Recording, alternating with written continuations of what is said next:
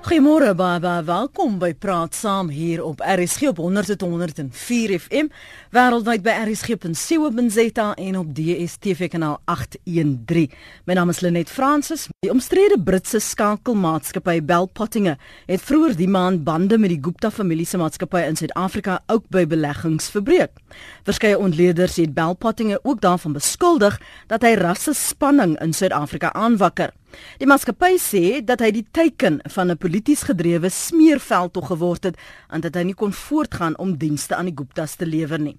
So vanoggend kyk ons na die verhouding tussen die media en skakelmaatskappye en hoe hulle, dis nou hierdie skakelmaatskappye, PR maatskappye, hoe hulle moontlik die nuus beïnvloed. Ons gaste vanoggend is professor Herman Wasserman. Hy is by die departement media studies by die Universiteit van Kaapstad. Môre Herman. Goeiemôre Lenet. En ons gesels ook met Rams Mabote, hy is eienaar van die media skakelmaatskappy Kingpin Consulting. Môre Rams. Es Kingmaker, môre Lenet Kingmaker. Kingmaker en dis hoe ook bekend staan. Uh, kom ons praat sommer en val weg met jou Rams. Um Bellpotting sê hulle het besluit om nie meer die Guptas te verteenwoordig nie, want daar was slegs slegte publisiteit wat hulle gekry het, reputasieskade. Why would a company a country for that matter, and in this case, a family employer PR company to what end, and particular the likes of a Bell Pottinger? Hmm.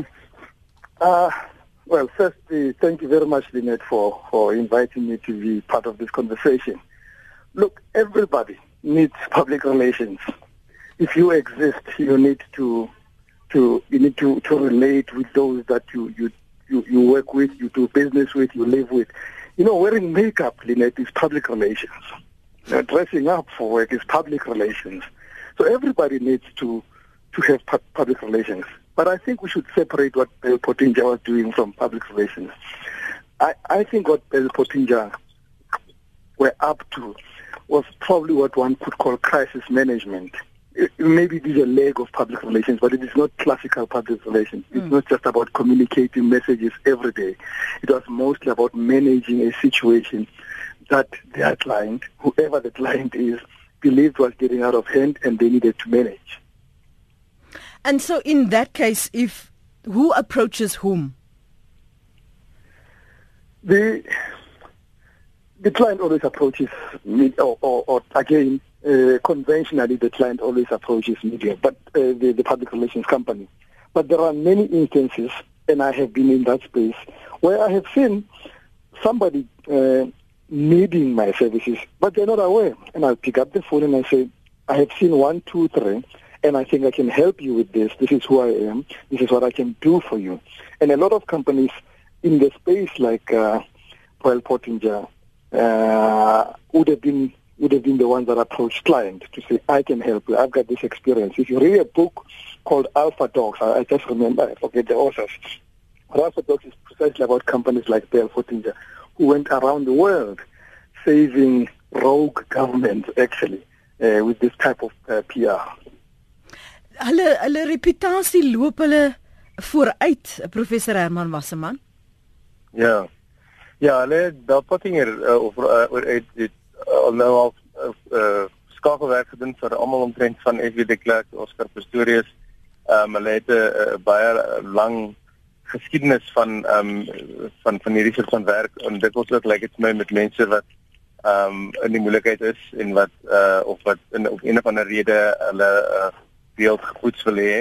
Ehm um, so ja, hulle het 'n hulle het 'n hele interessante reeks uh kliënte al gehad die die die, die wyse waarop en Rams het nou gesê mense moet onderskei tref tussen die konvensionele skakelmaatskappy wat net beeld poets vir of of 'n saak ehm um, uh publiseer vir 'n maatskappy of 'n kliënt as as dit wat blan uh, bell pottinge doen en en dis meer skadebeheer of krisisbeheer of, of selfs klink dit vir my spin doctoring uh, beeldpoetsery so help ons wat in die media is of ons wat leuke is verstaan hoe die dinamika tussen media maatskappye en uh openbare of media skakel maatskappye werk. Ek dink ek kan maar net van die media se kant uit praat Sorry. en uh, die media se kant die media is natuurlik baie ehm um, afhanklik dikwels van skakelbeamptes, skakel maatskappye. Ehm um, ek dink soos dit ook die media omgewing verander het, daar al minder geld en uh, uh hulpbronne gestoot word in die journalistiek in dat journaliste miskien ook nie meer so baie uh, uitgaan en self die ondersoek doen nie. Ehm um, het hulle baie meer begin steun op skakelmaatskappye en ek dink ehm um, dit is ook 'n uh, probleem dat dat daar te veel gesteun word en dit ons ook te onkrities gesteun word op op op wat aan hulle gevoer word in ons in ons land uh ook al voorbeelde gehad van van berigte en so wat ehm uh, miskien eensydig was of wat nie genoeg getoets is nie is as gevolg van 'n te maklike uh, oorneem van dit wat skakel uh, maatskappye aan journaliste gevoer het How would you describe it, Rams? Um, Herman was referring to the media's position and, and how he sees the relationship, but you come from that uh, journalistic background as well. How has, if at all, the relationship between media and PR uh, companies changed, and, and to whose favor? Well, let's let's start by, by saying that in uh, on paper it's supposed to be a symbiotic uh, relationship. The media needs public relations uh, for, for their content and uh, public relations uh, practitioners need the media uh, to publicize their messages. However, over the, the years, and in South Africa in particular, which is where I live and what the, the situation I understand best, in the last, I would say, 10 to 15 years, the relationship has been slightly skewed in favor of the PR world. When, when the media uh, industry started going through a tough time financially when, when people started losing jobs, newsrooms becoming smaller, um, budgets becoming smaller. It meant that there was no capacity to go search classically for news as journalists would do. Therefore, they depended largely, and they still do largely depend, therefore, on PR to supply them with stuff. And that is why, even today, you would see a minister calling what I call a non-media briefing, and it would be 30 people in the room listening to zero, to nothing, because there's so much hunger for stuff, and media has no capacity or resources to go out and search and investigate and spend time to do so. Those that do actually have to be funded by other resources. I mean, look at Amapungani at uh, the Mail and mm. Guardian. Mm. They are now funded uh, by you know other institutions because they cannot afford on their own budget to do so. So the relationship, as we speak currently, favors those in the public relations space because they have to fill up the spaces in your news bulletin, in the in the online uh, bulletins, everywhere else. Sure. Dit dit, dit lyk vir my asof hulle baie meer mag het as in die verlede as hierdie vakuum bestaan omdat daar nie kapasiteit is nie omdat daar nie hulpbronne is nie omdat daar net nie geld of noodwendig altyd die ervaring is die professor Wasserman. Ja nee, ek dink dit is maar reg soos hy gesê het ek dink dit is die simbiotiese verhouding en dit was nog altyd 'n simbiotiese verhouding.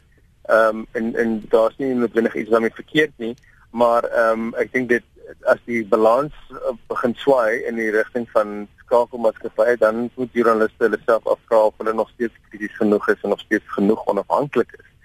Ehm um, want die onafhanklikheid van die media beteken ook dat jy jou eie opinies vorm as 'n joernalis dat jy jou eie ondersoek instel en ehm um, hoewel jy op 'n simbiotiese manier gebruik maak van die maatskappye en van alle ander soort van bronne, dit is ook maar ander bronne wat jou bel, mense kontakte wat vir jou inligting gee jy het nog steeds 'n verantwoordelikheid om daardie inligting op te volg, daardie inligting te verifieer, ehm um, dit binne konteks te plaas. Ek dink die probleem ehm um, kom in wanneer uh, die inligting ontvang word en of joernaliste te lui is of hulle is onder, onder te veel druk of daar's nie genoeg hulpbronne om hulle in staat te stel om daardie opvolgwerk te doen en daardie onafhanklike kritiese ondersoek self mm. te doen. Ek dink dit is waar die probleem inkom.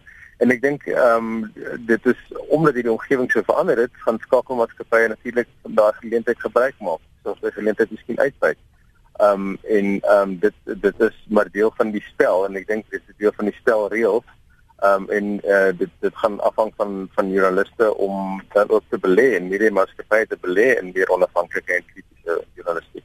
Ons het verlede week uh, byvoorbeeld gesien uh, waar 'n minister en 'n uh, ander uh, persoon 'n media konferensie gereël het, 'n presser um, waar uitsprake gemaak is en dit was verstommend dat sommige dit regstreeks op lig gedra het sommige van die ehm um, televisiestasies dit regstreeks op lig gedra het so wyd daaroor berig het maar die inhoud van wat gelewer is It seemed more like it was ranting and rambling at times. Why are we then so eager to to broadcast that when there is so little content? Is it just to fill dead air uh, rams?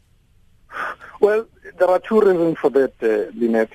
The, the the biggest one, we should have been the second one, but it has become the biggest one, is fear of missing out. FOMO is hitting everybody out there, and that's why we even find ourselves on Twitter as we wake up, just in case we don't miss anything. So everybody's like, just in case this air could be very dense, let me go and check out what's happening out there. So that's the first part. But the second part is pretty much the unhealthy, or rather what, what I would call the situation where media have, are no longer what they used to be in the past. In the past, you would know what a particular radio station or a particular newspaper or a particular television station stands for. Mm. What, what is their niche? And therefore, they would not always rush for the same story, all of them. It has become so dense now that everybody feels if I don't make it there and something huge breaks, I would have missed out. And therefore, I think the PR industry has seen that. They have noticed that there is so so much fear and such stupid, uh, in, uh, in fact, I hate saying it, but such stupid competition that people go for non-stories because you know they always want to be there like everybody else. So if I were a PR, which I am, as a PR practitioner, I take advantage of that. I know if I were to represent anybody that has a name of some sorts, and I said tomorrow we've got a press briefing in the middle of the Kruger Park, and don't worry about the lions. I know I'll get at least 20 journalists in that space, uh, and all cameras will be on my guest, on my client. het ons so desperaat geword dat daar of is daar net die nuus nie professor uh, Masterman Ja, ek dink dit is inderdaad 'n geval van ehm um, van van Susan se van fear of missing out. Die dit is 'n universiteit wat ons bekend as fakjournalistiek of fact journalism dat ehm um, miskien is dit goed beter woord trop journalistiek wat wat journaliste ehm um, almal dieselfde soort van stories najag, almal opdaag by dieselfde perskonferensies, almal probeer om dieselfde storie te dek en almal doen dit maar net op 'n klein bietjie verskillende maniere, maar daar's eintlik baie min verskil in daai spektrum van stories wat aangebied word. En dan is dit so dat as daar 'n media geleentheid is, 'n perskonferensie en hulle voel dat hulle uh meerde dingers daar gaan wees, dan moet hulle ook daar wees. Ek dink ehm um, dit het weer te maak met 'n soort van 'n gebrek aan onafhanklikheid, 'n gebrek aan ook 'n soort van 'n kritiese selfvertroue om te sê maar ons gaan nie hierdie perskonferensie reël nie. Die persoon is nie belangrik genoeg nie of die persoon gebruik dit net om sy eie agenda te bevorder. Um ons gaan eerder iets anders doen. Um of ons gaan nie hierdie storie wat nou al holre gery is, maar nou nog verder holre gery nie. Ons gaan kyk na onderwerpe en dinge wat nie aangeraak word nie en, en dit doen. Maar ongelukkig deels as gevolg van hierdie soort van tropjournalistiek mentaliteit en ook deels as gevolg van wat weer eens die kwessie van of daar genoeg mense is om om te stuur na ander stories toe en en, en om hulle tyd te laat spandeer op ander stories. Ehm um, is dit die uiteinde dat dat dat daar die soort van tropjournalistiek gepleeg word en dat dan dan is jy eintlik uitgelewer aan wat mens vir jou gaan voer by daardie perskonferensie. Ehm um, omdat jy nie meer jy het eintlik daardie daardie uh, rol van self ondersoek het jy mm. oorgegee aan iemand anders mm. en dan sit jy en dit word jy passiewe ontvanger van. Is, is dit nie wat before you go on can I can I please give you a typical example mm. the the recent saga with the Huffington Post and and the fake news you know, it's a typical story of fear of missing out so something lands on the desk of an editor and you're thinking if I don't use it somebody else is going to use it and therefore there is not even room to check things it is that is what is happening between PR and, and the media. So that you can send them anything, they will verify after the fact. Oh. When somebody has said, but this is not true. And that is what is happening in the industry now. Ek wil terugkom na wat ons luisteraars hier oor praat, maar die persepsie uh, Herman van enige publisiteit is goeie publisiteit.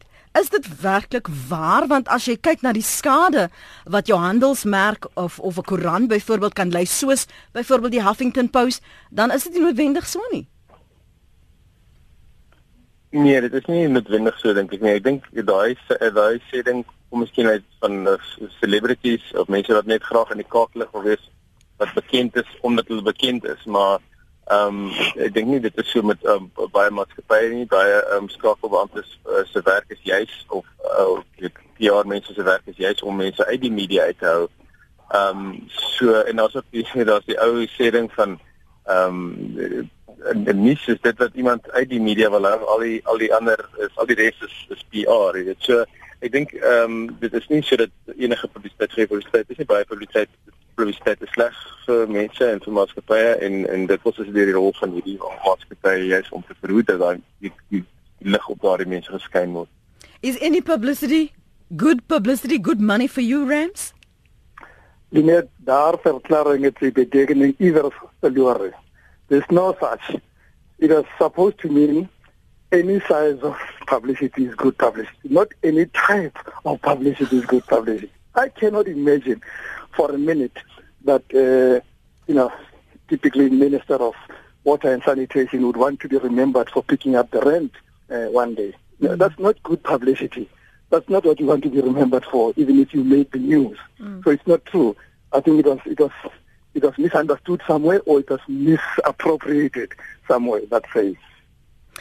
Let's let's just quickly look objectively at how these PR companies have created a narrative in South Africa. You, you're welcome to, to refer to Bell Pottinger um, if we have any evidence of that. Because Bell Pottinger alleges that they have been uh, reputation has suffered because of what they've been accused of, and they've taken the honourable road by rather severing this ties with the Gupta family and and Oakbay uh, investments. So, how do they influence the narrative? How do you influence the narrative about your clients, the messaging that you want us as the public to buy? let, let, me start by, by laughing at uh, the Paul Pottinger. Uh, gripe that their uh, reputation has been messed up. Look, all of us, uh, and I also play in that spin space, you choose your clients. Uh, and, and I have refused all my life to take, quote, what I would call a rogue client. When you take such a client, you must be willing. Because once you take a client as a, as a reputation manager, you are also putting your reputation on the line. So you, you will be part of that reputation, whether you like it or not. Anybody who takes on a reputation of a good person will end up looking good. So that's your choice. They made a choice and they made good money out of it, so they must stop complaining. However, let me then respond to your question. It takes a while to to influence perceptions, uh, to to guide publics about how they should view your client. But most importantly, Lynette, it depends on what client does. You cannot create reality. Reality is reality. If your client does not do things that are worth of creating a great reputation, however much you try, you're not going to win that battle. The, best, and I say best very carefully, you can do is to buy patronage from the media. But that also won't last. I quickly want to cap onto that, this buying patronage for a moment. En die ou daar mm -hmm. weet ons um dat die media joernaliste Herman, ek weet nie of dit nog steeds gebeur nie, is gewaaien en gedaaien en is gestuur na vakansieplekke toe met die hoop dat hulle 'n positiewe terugvoer sal gee. Gaan gaan eet gratis by die restaurant want dit gaan vir ons laat goed lyk. Dit is hoe 'n media maatskappy baie subtiel die media probeer. Ek sien tog skakelmaatskappye die media probeer beïnvloed het. Is dit nou open bloot buying patronage? Wel in daardie gevalle, ek dink dit is miskien nie meer so uh, heeltemal so oordadig as dit in die verlede was nie. Die ekonomie is nie meer wat dit was altyd nie. Mm. Maar ehm um, ek dink in daardie gevalle is, is dit ook 'n vraag wat joernaliste vir hulle self moet afvra is uh met kan ek hierdie geleentheid bywoon en nog steeds ehm um, jy weet gebalanseerd uh berig gee oor 'n sekere saak? Kan ek saam met hierdie persoon ehm um, jy weet 'n uh, sekere iets bywoon, 'n partytjie bywoon of 'n funksie bywoon en nog steeds uh, onafhanklik wees. Dit is iets wat joernaliste hulle self moet afvra. Ek dink wat vandag iets wat ons nou nog nie aangeraak het nie en dit is die hele sosiale media aspek, die hele sogenaamde paid Twitter, betaalde mm. Twitter, betaalde um, advertensies. Um en dit het 'n hele nuwe landskap opgemaak. Um die die verhouding tussen skakelmaatskappye en joernaliste in die ou dae waar was 'n baie meer sê maar openlike en en um direkte tipe van verhouding Ehm um, daar was natuurlik wel uh, inligting wat agter die skerms of of van die rekord af gegee is aan mense, maar ehm um, ek dink in hierdie uh, omgewing waar ons ons nou bevind en veral weer eens rondom wat onlangs op Twitter aangegaan het en weer eens beweringe dat daar ehm um, word mense betaal is om te tweet ehm um, vir die Gupta's ehm um, en teen byvoorbeeld die die uh, openbare beskermer se verslag. Ehm um, daar's heelwat analises wat daar gedoen word rondom hierdie die die die die Twitter en die die tweets wat uitgegaan het wat jy's aantoon dat daar definitief agter die skerms uh, touwtjies getrek word en dit is uh, met ander woorde heeltemal anders tipe landskap waar ons nou bevind.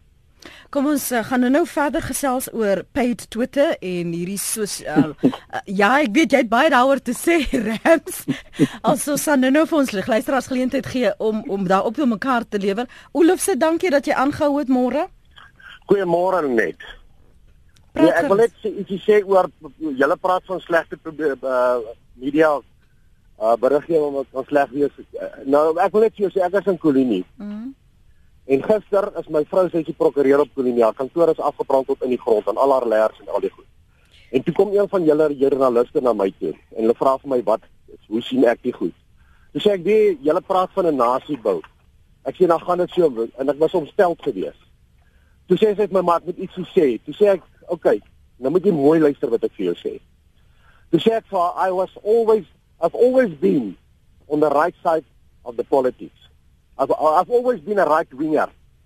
But after 95 when South Africa won the World Cup I thought I was wrong and I thought to myself maybe South Africa is a place that is going to work toe by sy vaar na my vrou se kantoor toe, toe sê ek en dit gebeur nou.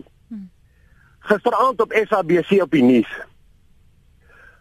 Die berig, toe staan daar, toe, toe sê hulle het dit gesien. Hmm. Toe sê hulle I thought South Africa was going to work. I was always I've to say ek, I've always been a right winger. Toe toe sny hulle die berig af. Hmm. Dit is slegte publisiteit, dit is skandalige journalistiek. Ek het vanmôre probeer, ek het die joernalis gebel, ek het vandag gepraat met my verwys na julle uh, uh, regisseur in Mabatu. Hmm. In Charles. Hmm. Ek gesê hy is in 'n besigheid, hy sal my terugbel. Maar ek is God dank as dis my ampere besturing dat ek vanmôre uitgekom het by julle want ek het gisterand met Dr Pieter Miller ook gepraat, gaan Grondewald gepraat en ek het gesê dat ek na die onafhanklike uitsaai klagte kommissie toe gaan en gaan 'n brief skryf na hulle toe. Hmm. Julle sal daai ding regstel op televisie. Hmm. Ek gaan dit nie daar los nie want dit is skandalige swak agtertangse journalistiek. Dis al wat ek sê daaroor. Moenie moenie weggaan nie. Um wanneer jy wat as jy vir Charles in die hande kry of nie in die hande kry nie, as hy nie reageer nie, dan moet jy die hoof van nuus hier in Johannesburg skakel. Um maak ook seker as jy skryf kan dat jy my nommer gee dat hy my terugskakel. Ek ek ken hom ongelukkig nie dis hoekom ek nou net gou vir jou vinnig sê wat die prosedure is wat dit vir jou kan vergemaklik.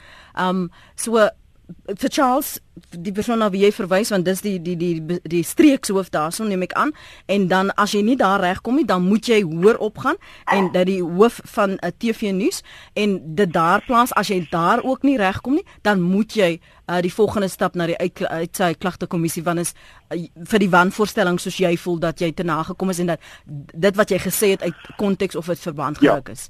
OK. En jy weet en jy weet ek wil net vir jou sê as dit die tipe van beriggewing is, dan dink ek my politieke insig was reg gewees daai tyd. Is dit die manier is hoe mense se opinies oorgedra gaan word in hierdie land?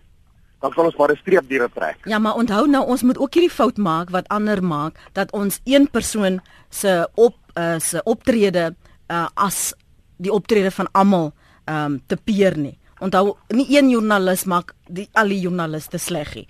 Ehm um, of hoe sê ek nou professor Herman Wasserman jy, jy en Ram sou saamstem dat een wanvoorstelling vir ons almal skade berokken.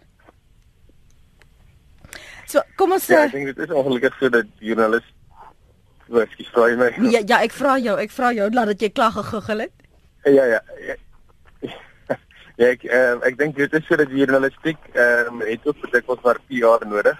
Mm. Ehm um, en dit is sodat jy eh, eh, een een van die joernaliste se se mening kan natuurlik baie skade berokken aan die journalistiek oor die algemeen. Maar ek stem saam met jou. Ek dink ehm um, die feit dat daar nog baie goeie journalistiek gedoen word onder baie keer dikwels moeilike omstandighede, ehm um, groot druk, politieke druk, kommersiële druk.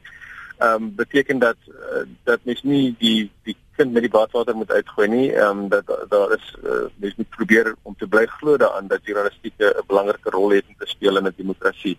En dit is natuurlik jammer dat daar gevalle is soos ehm um, wat daarna nou verwys word wat ehm um, van skewe beriggewing, ongebalanseerde beriggewing en wat die journalistieke reputasie skade berokken. En maar daar is ook soos jy nou ook reg opgemerk het, daar is wigte en teenwigte. Ons het 'n openbare uitsaai klagte kommissie, ons het 'n uh, pers uh, ombudsman en en en ander meganismes. So 'n mens moet ook van hierdie meganismes gebruik maak um, as jy klagtes het.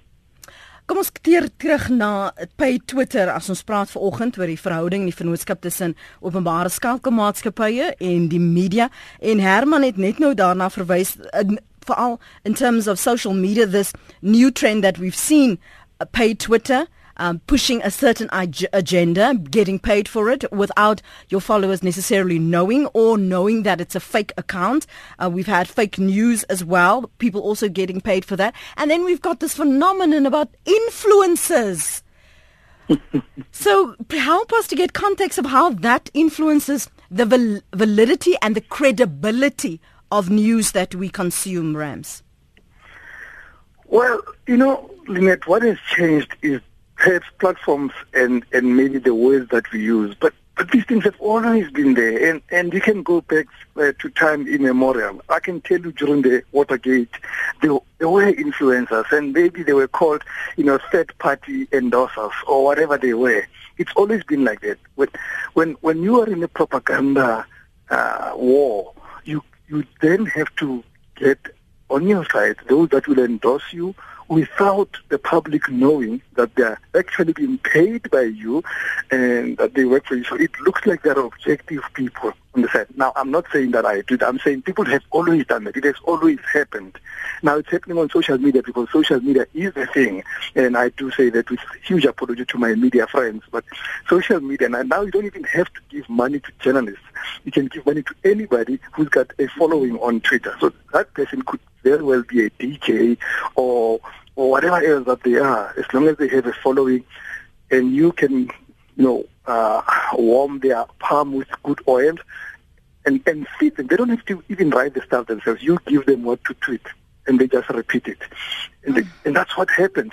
So if I follow you, Lynette, on Twitter and you have 100,000 followers, I tend to, to think a lot of things that you say are valid or respectable So the minute you start tweeting and, and endorsing a product or, or somebody, or even something that is doubtful, I am likely to say that Lynette would not endorse this thing because I trust her so much and she has so many people following her. And that's what has been happening on paid Twitter and, you know, fake news. It is just something that has happened over many, many years. Now it's happening hard and fast because social media is immediate.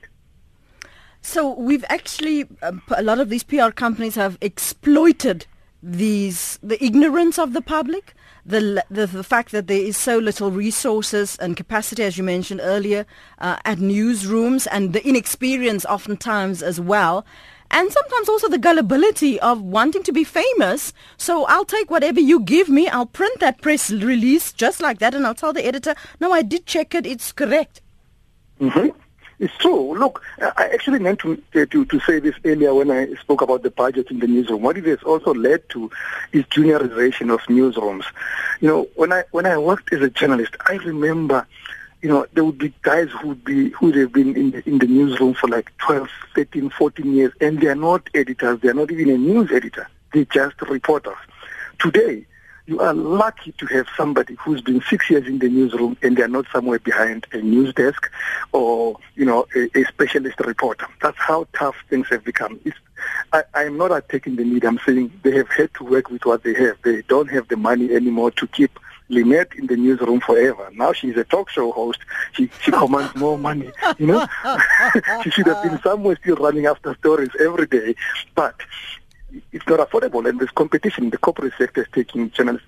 Look about, look at all these communications people from government. They are all former journalists who should be out there doing the work, but the media does not have the money. But the flip side, by the way, of, of paid Twitter and influencers is is ethics. If mm. I am willing to accept money to do your dirty work, it's also about me.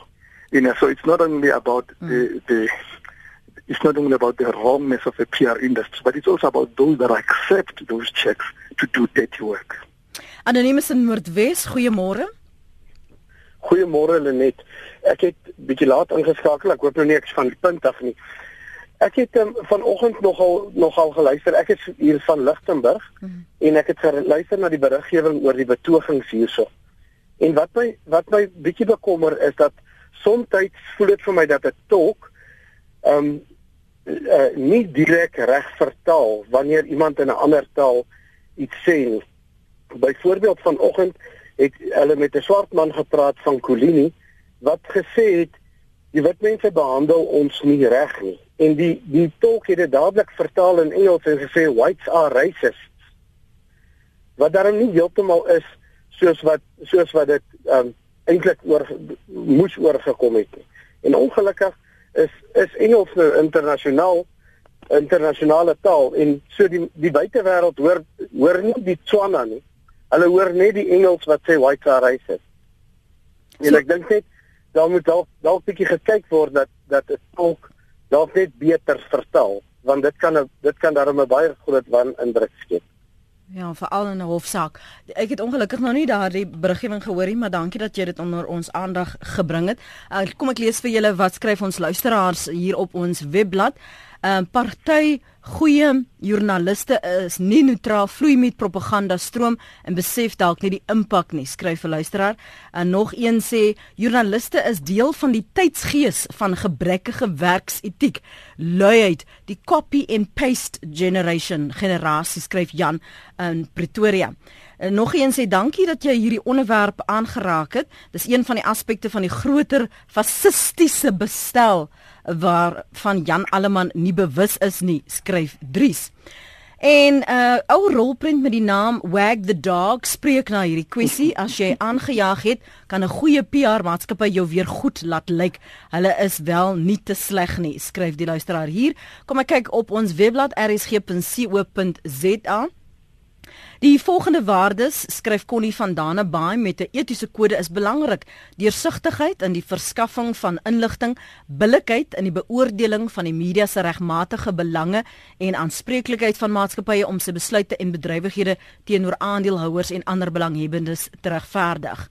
En dan verder aan, ehm um, skryf Roger Belpottinge is 'n paar jaar gelede van die Engelse Wikipedia verbied weens hulle volgehoue onderduimse aktiwiteite ten gunste van hul kliënte op die web ensiklopedie sê Roger. Um Herman is die verhouding tussen media maatskappye, koerante, uitsaaiers en skakelmaatskappye is dit 'n onheilige alliansie?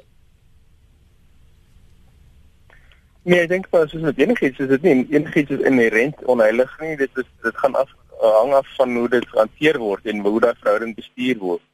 So ek dink um, om om weer terug te kom na die voorpunt van Grams gesê oor simbiose, dit is nog altyd 'n simbiotiese verhouding, maar 'n simbiotiese verhouding beteken nie noodwendig 'n parasitiese verhouding waar jy dit net waar die een net op die ander keer nie, jy moet uh, uh, iets ook bydra en ek dink die die bydrae van die journaliste was altyd dat dat hulle nog steeds 'n kritiese stem en 'n onafhanklike stem mm. te berde bring op die inligting wat hulle ontvang. Ehm um, wanneer daai kritiese en onafhanklike funksie afgeskaal word of, of om verskeie redes, ehm um, of dit nou is omdat journaliste self lui of oneties is en of dit is omdat daar te veel druk is en so meer soos ons nou gesê het, dan ehm um, dan raak dit 'n moeilike verhouding en dan begin die die die die weegskaal swai en dan kan dit 'n onheilige verhouding raak. Maar ek wil ook net 'n bietjie die die die die klem 'n bietjie verskuif van die uh joernaliste maar weer in 'n republiek een van die uh van die luisteraars die woord Jan Alleman gebruik. Ons ons ons moet nou ons werk in 'n in 'n nuwe tipe media ekologie waar um luisteraars wat op die hier luister mense na radio maar hulle is terselfdertyd op die web, hulle is terselfdertyd op op uh, selfone, hulle praat terug, hulle skryf in, hulle deel, hulle stuur aan, hulle plaas goed op Facebook, op Twitter die publiek is ehm um, baie meer deel van die nuusproses uh, vandag as in die verlede. En so daardie etiese verantwoordelikheid van hoe sif jy inligting, ehm um, hoe krities is jy daaroor? Ehm um, dit daai verantwoordelikheid val nou ook uh, ten minste ten dele op uh, op, op die publiek self. Dat mm. ook krities is oor inligting wat hulle ontvang. Um en die hele kwessie rondom fake news, fake news wat nou aangeraak is, op nuus. Um dit dit dit, dit steun juist op hierdie onkritiese oordrag en aanstuur van inligting deur die publiek. So daai etiese verantwoordelikheid is nie net journalisties nie, dit is ook die publiek se. Mm. Eh, kom ons ek gaan nou nou vir vir Ramsgent dit gee om te reageer. Ons praat intussen met Renet Lebowitz. Sy is by Prisa. Môre Renet, baie dankie vir jou beskikbaarheid vanoggend. Ek weet jy het nou al deurlopend vanmôre geluister na die kommentaar van albei ons gaste. Um Herman het sopas gesê dit moet nie net 'n simbiotiese verhouding wees nie.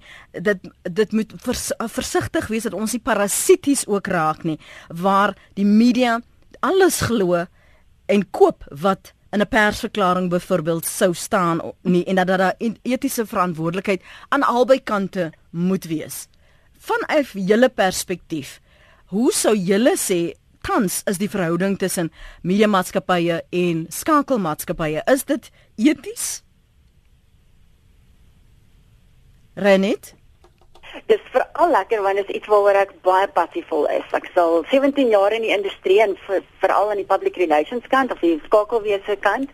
So dit is so lekker om te kyk na hoe goed verander het oor die jare, maar dit bring ook al hierdie uitdagings mee en ons het nou al daaroor gepraat vanoggend, maar in terme van die verhouding Ek dink daar is iets wat meeste mense wat nie in die industrie werk nie, miskien nie besef nie, maar as 'n skakelwese bestuurder of 'n kommunikasie deskundige die tyd wat ons 'n persverklaring uitstuur na die media, is dit deur hele klomp mense geverifieer en seker gemaak dat beide die PR maatskappy, die skakelwese maatskappy en die kliënt of wie ook al dit is of dit nou 'n nuwensgewende organisasie is en of dit 'n groot internasionale maatskappy is, dit is deur verskeie mense goedgekeur en afgeteken want daar is 'n paar handelsmerke betrokke. So teen die tyd wat dit by die media aankom, is dit gewoonlik die waarheid en dit is dis die regte inligting. Dit is dan nog steeds die media se verantwoordelikheid oor hoe hulle dit publiseer, hoe hulle dit kan um, redigeer en waar hulle die artikel afsny en so voort. Soos die vorige hmm. luisteraar ook ingebel het en gesê het. So wat die verhouding aanbetref, um, in my opinie is die verhouding in meeste gevalle baie goed want dit vat lank om hulle te bou. En as ek dink aan toe ek begin het met in my loopbaan was dit moeilik want jy weet nie wie die media is nie jy weet nie waarop hulle fokus nie maar met die tyd bou jy die verhoudings. En na 'n ruk weet die media wie om te skakel vir sekere inligting. En op die einde van die dag is dit regtig dit is 'n verhouding wat goed saamwerk want die media het nodig om met die regte deskundiges te praat. En sou hulle praat oor wat ook al die onder die onderwerp is dit nou jy weet vandag praat ons oor die nuwe tegnologie wat in motorvoertuie in geïnstalleer word. Dan skakel hulle met die skakelwese maatskappye om te sê wie is daar wat wil kommentaar lewer? En daar wys ons dat saam bring die skakelwese bestuurders bring die inligting na die media die media die regte inligting en hulle kommunikeer dit aan die publiek. Ekskuus ek wil net daai regte inligting uh, vinnig vir jou vra jy sê dis die waarheid, daardie inligting is nagegaan, maar daardie inligting is nie noodwendig krities opgeweeg nie, want dit skep 'n boodskap, dit bevorder 'n beeld of 'n produk wat 'n kliënt julle vra om ehm um, daar in die openbare domein te plaas. Dit is so en ek dink dis hier waar professionaliteit inkom, waar 'n mens moet weet wie gaan belangstel in jou boodskap, vir wie is hierdie maatskappy in in hierdie geval 'n kliënt met wie wil hulle praat en wie sou belangstel en watter media is die beste medium om te gebruik om die boodskap by die nodige mense uit te kry.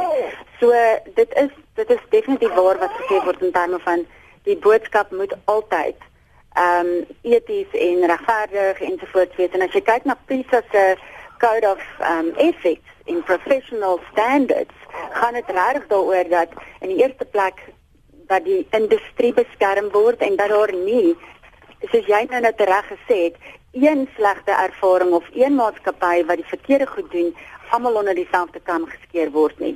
Dan gaan dit ook oor die individu as 'n professionele persoon en hoe ons die industrie bevorder en ontwikkel en dan natuurlik die media en die verhouding wat ons met die media het Waaroor kry julle gewoonlik klagtes? Ehm um, in terme van van watter kant af sê jy? Van van van van van maatskappye uh, waar of 'n kliënt of 'n verbruiker of 'n media waar uh, een een van julle lede byvoorbeeld of nie die ware boodskap nie of nie uh, eties opgetree het nie. Dis 'n goeie vraag en um, net ter wille van die luisteraars, Prisa is die Public Relations Institute ja. of Southern Africa in um om 'n lid te wees van so 'n organisasie is dieselfde vir ander industrieë en wat wat werklik waar die voordeel hier is en die tipe klagtes wat ontvang word is wanneer daar 'n PR verteenwoordiger nie eties optree nie of nie goeie diens lewer nie en kliënte kom dan na Prisa toe om te sê hoor ons het nie gekry wat ons ooreengekom het nie.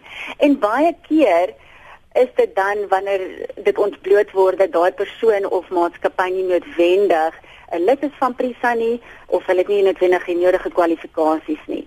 Aan die ander kant is dit ook weer vir die PR industrie 'n liggaam wat jou kan beskerm indien jy in 'n moeilike situasie is waar 'n kliënt jou nie wil betaal nie of hulle stel nie, jy weet hulle bly nie by die kontrak nie ensovoorts of jy word in 'n posisie geplaas waar daar van jou verwag word om valse nuus of ehm um, jy weet moeilike nuus te deel. So die instansie is regtig daar om te beskerm. Wanneer word dit krisisbestuur? Wanneer word dit spindoktering, beeldpoetsering, uh, wan en wanneer word ons mislei? Dis 'n goeie vraag en ek dink dit is die die groot groot verantwoordelikheid wat ons in ons industrie het om mooi te bestuur. Want as jy ek persoonlik word baie baie ehm um, jy weet baie keer dan dink ek so ek het ek het baie ure in, in die industrie ingesit en ons ons werk hard. Ons het geswat hiervoor en ehm um, vir ons as as jy regtig passievol hieroor is is dit amazing. Dit is fantasties om te sien wanneer jy nie net 'n persepsie verander nie maar gedrag kan verander. So die verantwoordelikheid wat ons het om die regte inligting te deel is so groot en wanneer spindoktering of PR poppies en daai tipe term gebruik word dan is dit nogal erg maar in terme van die krisiskommunikasie, krisiskommunikasie is deel van 'n goeie strategiese ehm um, plan as jy kyk na kommunikasie. Indoktering, dit is 'n gesprek wat ehm um, ons al baie gevoer het en ek dink in baie gevalle kan die die publiek dit so insien dat iets gespindokter word, maar ehm um, iemand wat hulle sout werd is en professioneel is, sal altyd wys waar die voordeel is vir die uiteinde vir die luisteraar of die vir die persoon wat die nuus ontvang.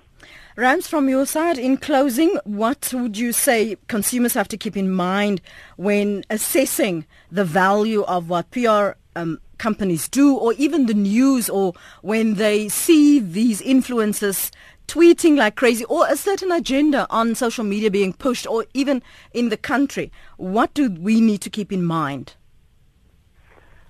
Wow, did you just say in closing? Yes, in closing, in closing, Rams.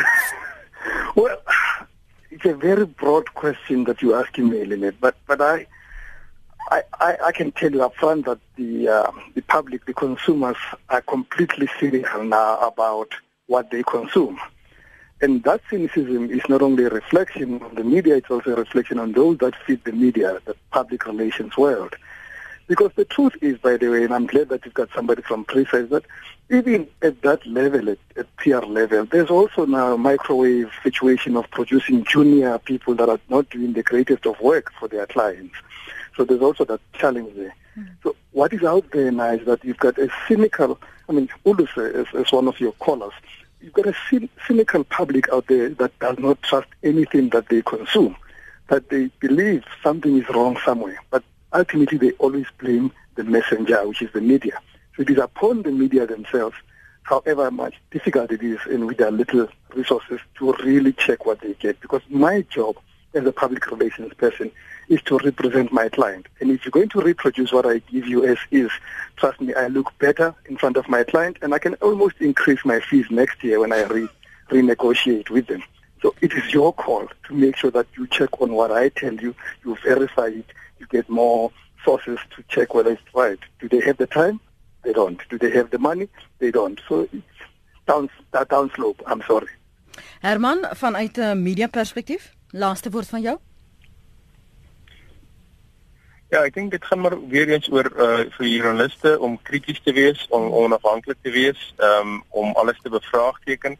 Ehm um, maar dan ook vir die publiek in hierdie nuwe media omgewing om te besef hulle is mede verantwoordelik hmm. vir wat versprei word op uh, in sosiale media en vir hulle om daai selfde kritiese en onafhanklike ingesteldheid ehm um, ook te te bevorder en te koester. Wil julle baie dankie sê vir julle tyd vanoggend hier op Praat Saam. Dankie Renet uh, Renet Lebowitz wat jy beskikbaar was van Prisa. Uh, professor Herman Wasserman is by die Departement Media Studies by die Universiteit van Kaapstad. Dankie vir jou tyd en Rams Mabote eienaar van die Media Skakelmaatskappy Kingmaker Consulting. Thanks for your time. Wat uh, vir my uitstaan vanoggend uit hierdie gesprek is dat ons krities moet kyk na wat ons lees, na wat ons hoor, uh, na wat ons verbruik, wat ons wat ons koop, die onafhanklikheid uh, wat ons ook aan die dag in denke moet uh, lê, etiese benadering en hierdie media uh, mede verantwoordelikheid waarvan professor Herman Wasserman so flissies gepraat het. Ek sien jou môre.